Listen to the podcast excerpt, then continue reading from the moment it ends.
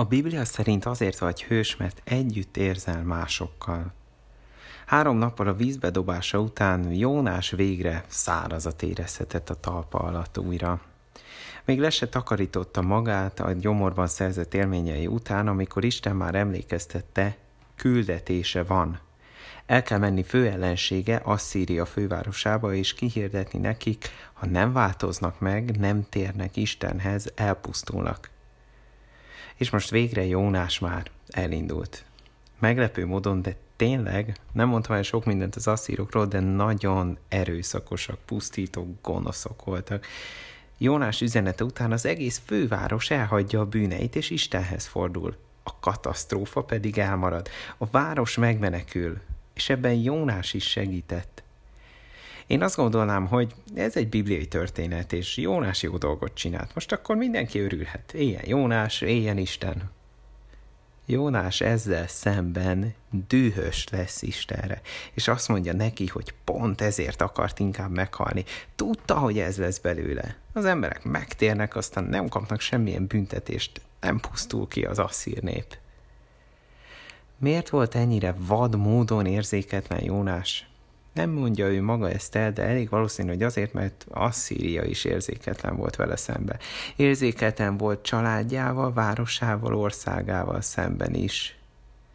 Ezért azt gondolja Jónás, minél rosszabb lesz nekik, annál jobb lesz nekünk.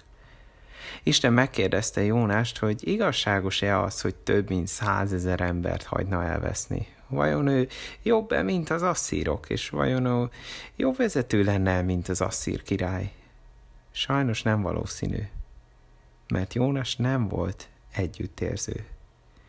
Az együttérzés nem egyszerű dolog, mert ez azt jelenti, hogy ha a másiknak fáj, akkor az neked is fáj. Jónás nem követte Istent ebben.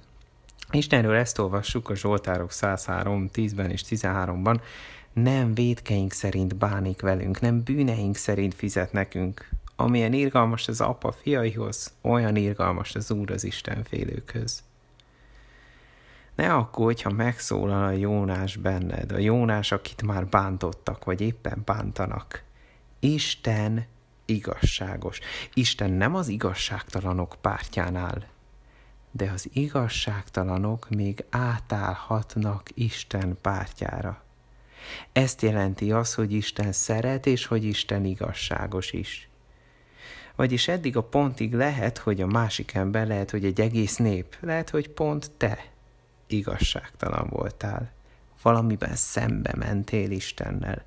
Ami el kell, hogy mondjam, komoly dolog. Megtennél valamit, amivel szembe mész a szüleiddel? Vagy amivel szembe mész a főnököddel? Vagy amivel szembe mész a hadsereggel? Elég veszélyes dolog szembe menni magával, Istennel. De most még áttérhetsz hozzá. Isten nem akar rosszat neked. Így folytatódik a Zsoltár, hiszen tudja, hogyan formált. Emlékszik rá, hogy porból lettünk. De nem akar rosszat másnak sem. Ezért ezután a mondat után, amit most olvastál, és most hallhattál, meg kell térned. De Isten nem büntet meg azért, ami eddig a pontig történt. Azt mind megbocsátotta. És pont ezt kell neked is tenned másokkal. Még akkor is, ha vannak sajnos komoly dolgok, amiket meg kell bocsátanod. Tudod, mit tett Isten veled? Segített rajtad. Segíts te is másokon. Legyél együttérző, és még az ellenségeidnek se a pusztulását, a büntetését akard egy kis feladat a végére. Nagyon sokféleképpen lehetsz együttérző. Szerintem a legegyszerűbb ez, a következő emberrel, aki zavarni fog, legyél kedves.